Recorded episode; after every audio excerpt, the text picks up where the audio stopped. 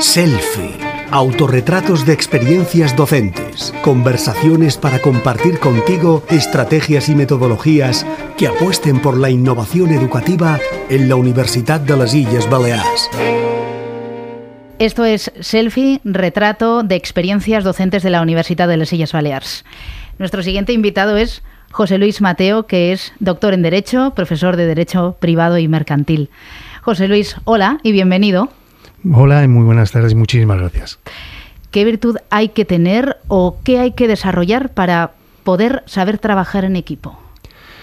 Bueno, saber trabajar en equipo creo que es una de las cosas más importantes. Primero que nosotros debemos aprender como docentes y en segundo lugar que debemos saber transmitir a nuestros alumnos. Eh, para saber trabajar, lo primero que podemos, tenemos que hacer es compartir, es saber compartir. Eh, saber compartir conocimientos, pero también saber compartir experiencias, saber compartir inquietudes y, también pues saber compartir nuestros puntos débiles. En última instancia se trata de que, de que todos sepamos que, que podemos hacer de todo y que todos podemos aportar y sumar. Claro, compartir es sumar, sin embargo, ¿todos lo ven así? Eh, en cualquier faceta de nuestra vida nos damos cuenta de que cuando trabajamos unidos, cuando, cuando aunamos esfuerzos, es cuando logramos mejores resultados.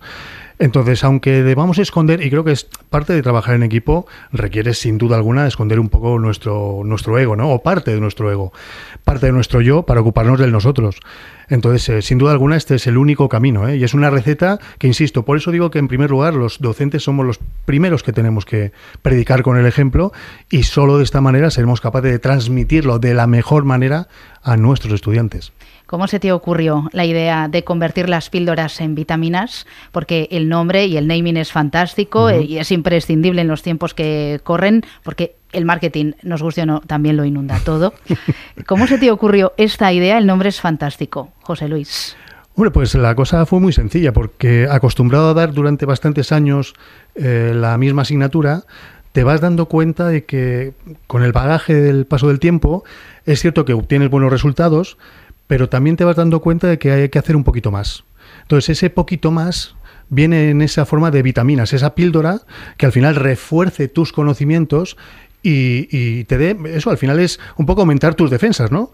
Pues, eh, ¿qué es lo que hacen las vitaminas? Pues también un poco aumentar tus defensas, tus conocimientos de cara a obtener una mejor preparación.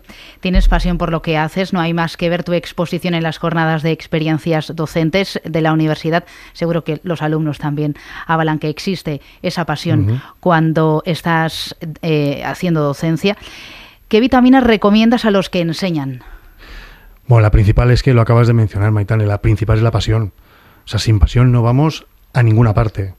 Eh, tenemos que estar convencidos cuando nos levantamos cada mañana de que en lo que hacemos, en nuestro trabajo, tenemos que hacerlo no bien, sino lo mejor posible. Y cada día entender que lo hemos hecho mucho mejor que el día anterior. Y esto solo se logra con pasión. Eh, sin pasión al final nos convertimos en una especie de, pues si quieres, un poco de máquinas que podemos, al final, podemos llegar a comunicar algo, pero no podemos llegar a transmitir. No podemos llegar a, si quieres, a, hacer que, que, comulguen o que, si quieres, un poco que, que, se reúnan contigo, no en la línea de pensamiento, todos pensamos de distintas maneras, ¿no? Pero sí que en cierta manera en, en, compartir conocimientos, en compartir experiencias y al final en ser mejores. ¿Y a los que aprenden, qué vitamina les recomiendas? Bueno, que se pregunten, que se hagan muchas preguntas, que se cuestionen todo, que, busquen constantemente eh, los tres pies al gato y que en última instancia eh, duden, duden mucho también. Y, y, ¿por qué no? Que persigan sus sueños. Yo esto eh, siempre lo digo en las clases de derecho, que ojo, en mis clases de derecho mercantil se habla de derecho, pero no solo de derecho porque me gusta empezar, de hecho, las clases para llamar la atención y captar la atención de mis alumnos, pues hablando de temas de actualidad. O sea, porque al final nosotros vivimos en el mundo en el que vivimos y todo lo que nos rodea nos afecta y nos afecta también a la hora de entrar en clase, ¿no? Entonces quiero que mis alumnos sean muy conscientes siempre de todo eso y por eso insisto, yo creo que, que, al final se trata de eso, de que seamos conscientes de que vivimos en el mundo, de que, de que todos formamos parte de esto, que ellos se cuestionen, se hagan muchas preguntas y que sobre todo tengan siempre muchísimas, muchísimas ganas de aprender. Esa es la clave. ¿Les enseñas también a dudar? Porque parece que en este mundo solo se debe enseñar a tener confianza y seguridad. Em, eh, está bien tener confianza. a lo largo de su vida seguro que van a dudar muchísimas veces, ya sean fiscales, abogados en ejercicio, sean jueces, la duda va a estar permanentemente a lo largo de su vida. Tienen que dudar, tenemos que dudar. ¿Cuántas veces dudamos nosotros a lo largo del día pero eh, ya te digo, eh, por cualquier pequeña mínima decisión que tomamos ¿no? en nuestro día a día, dudamos constantemente, pues eh, es normal que ellos duden. ellos dudarán en su trabajo, dudarán en sus relaciones personales, dudarán a la hora de afrontar el examen de una asignatura, si lo hago de una o de otra manera, si es más importante un caso práctico que la teoría, dudarán. Pero es cierto que parte de ese compromiso, parte de la función nuestra y suya de aprender y de crecer en la universidad es poder acometer esas dudas, poder afrontarlas y poder resolverlas. ¿Eres de los que piensa que la pasión por aprender, por formar, se puede entrenar o que es un rasgo innato? Hombre, yo eh, esto de que si se nace o se hace, ¿no? La, eterna, la eterna pregunta. Sí, o lo tienes o no lo tienes. Sí.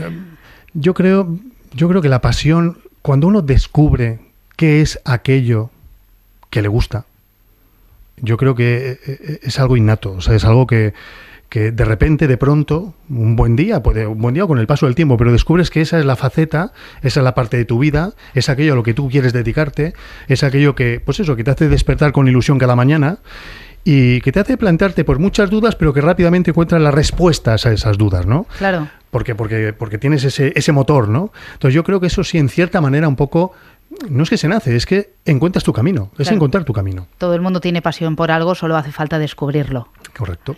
¿Cuál es la mayor satisfacción que te ha dado la docencia cooperativa desde que la pusiste en marcha?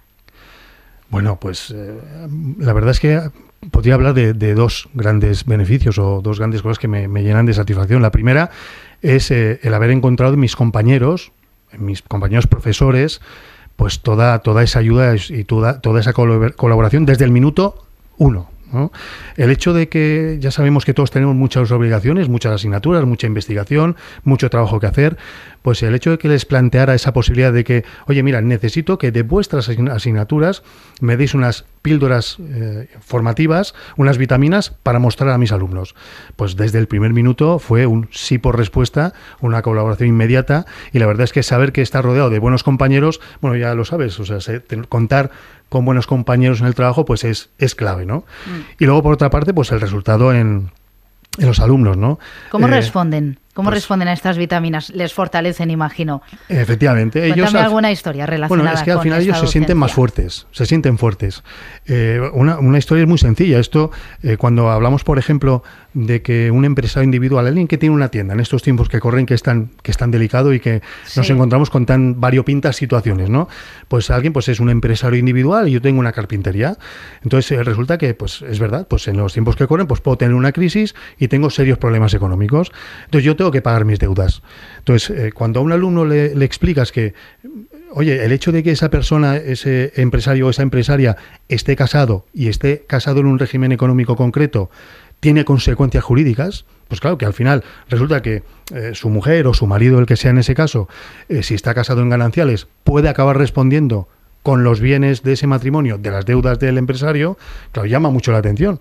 Entonces, eh, el hecho de que una compañera de, del Departamento de Derecho Civil pues haya tenido a bien dar una cápsula formativa para empezar sobre qué es el matrimonio, cuáles son esos regímenes económico-matrimoniales, para que el alumno cuando llega al terreno mercantil tenga una formación muy completa, esto eh, el alumno lo recibe encantado. Dice, hombre, por fin nos enteramos. Esto cuando dice, hombre, por fin nos enteramos. Claro, pues esto cuando el alumno de, forma con esa sonrisa pues te mira y te dice, ahora lo tengo todo claro. Porque al final es como completar el círculo, cierras el círculo. Y, queda claro a los alumnos que esto también es importantísimo, que el derecho no funciona como departamentos estancos. No está el mercantil por un, por un lado, el civil por el otro, el penal por el otro, el administrativo y ninguno se toca, sino que todo está muy interrelacionado. Estás escuchando Selfie, el espacio para que descubras las experiencias docentes más innovadoras de la Universidad de las Islas Baleares. ¿Qué tal se, ha adaptado, se han adaptado las píldoras a la docencia online en tiempos de pandemia? Pues lo cierto es que vienen estupendamente. Porque al final eh, hemos de reconocer que, desde este punto de vista la Universidad de Islas Baleares, con eh, Moodle y con nuestro campus digital, tenemos unas herramientas extraordinarias. Además tenemos un, personal de, del vicerrectorado de, eh, de, Campus Digital y Transmedia que, lo tenemos a nuestro servicio y colaboran con nosotros, que la verdad es que da gusto trabajar con ellos, porque cualquier duda que tenemos, cualquier pregunta que, nos asalte, ahí los tenemos en, desde, desde el primer minuto. Y lo cierto es como tenemos las herramientas y luego pues estas píldoras vienen muy bien porque eh, pedí que, la plataforma en la que se dieran esas píldoras fuera precisamente eh, todo, absolutamente todo digital, pues bueno, la verdad es que pueden seguir empleándose de manera sencilla, con, eh, en algunos casos es eh, por páginas web, en otro caso a través de un podcast, en otro caso a través de un PowerPoint, por lo tanto, eh, tiene un funcionamiento y plena vigencia y ahora más que nunca en época de pandemia.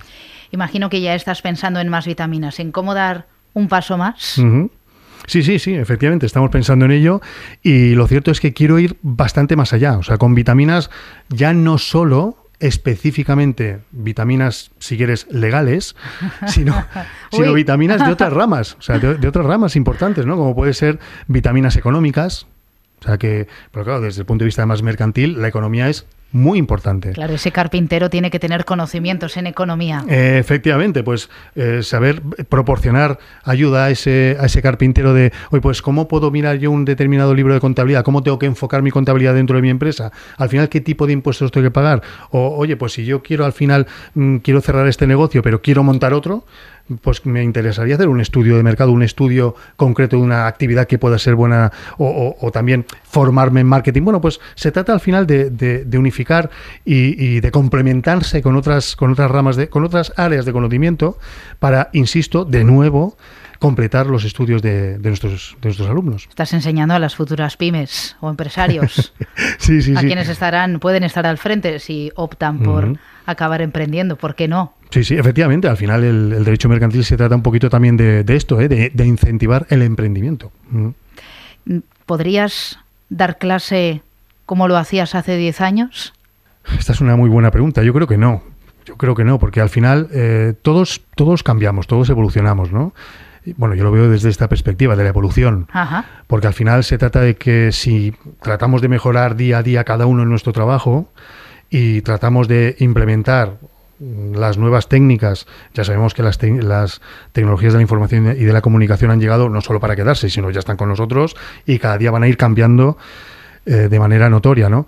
Pues eh, lógicamente todo esto se ha incorporado a nuestra docencia, se ha incorporado a nuestro modo de impartir y a nuestro modo de sentir la docencia. Yo cuando me imagino, y es verdad que a veces me retrotraigo a mis primeros momentos como docente, pues lógicamente no tiene absolutamente nada que ver. Y si hablamos ya de tu etapa como alumno, ya ni te cuento. ya ni te cuento, dale. Por supuesto, por supuesto que no tiene nada que ver. Todo ha cambiado mucho y lo cierto es que además, viéndolo con, con perspectiva, eh, tengo que decir que qué afortunados creo que son los estudiantes, los alumnos de hoy en día. ¿eh? Es cierto que hay mucho nostálgico. Sin embargo, ahora se puede recibir clase muchísimo mejor que antes. Eso es innegociable. Yo creo que esto no hay ningún tipo de duda. Yo en, no suelo ser, de hecho, nada nostálgico y, y en temas de docencia, vamos, todo lo contrario nostálgico. Creo que debemos siempre mirar hacia adelante, mm, pensar solo en el futuro, también en lo docente. No podemos pararnos, no, no podemos en ningún momento eh, bajar los brazos y creer que está todo hecho, sino más bien todo lo contrario. Hay que pensar en nuevas píldoras y pensar en nuevos proyectos docentes, pensar en nuevas iniciativas, nuevos proyectos. Y de hecho, como tú muy bien has dicho, creo que la docencia es mucho mejor ahora y será y seguirá siendo mejor a cada año que pase. José Luis Mateo, muchísimas gracias. Gracias a ti. Has escuchado Selfie el espacio para que descubras las experiencias docentes más innovadoras de la Universidad de las Illes Baleares. Selfie Autorretrat d'experiències docents universitàries és fruit de les segones jornades d'experiències docents de la Universitat de les Illes Balears que tingueren lloc al gener de 2020. Els docents que apareixen en aquest treball són tots els qui varen participar en aquestes jornades exposant-hi i compartint-hi les seves aportacions innovadores. Aquesta publicació és possible gràcies a la convocatòria d'ajuts al Fons de Cooperació Universitària 2020 BDNS 495431 del Departament de Cultura, Patrimoni i Política Lingüística del Consell de Mallorca. L'edició 2020 d'aquesta publicació és un llibre interactiu que ha estat coordinat pel doctor Antonio Fernández Coca, escrit per la periodista Maitane Moreno, maquetat pel dissenyador Miquel Oleaga i que inclou les fotografies fetes per Josep Taltabull. Per a més informació, selfie.uib.eu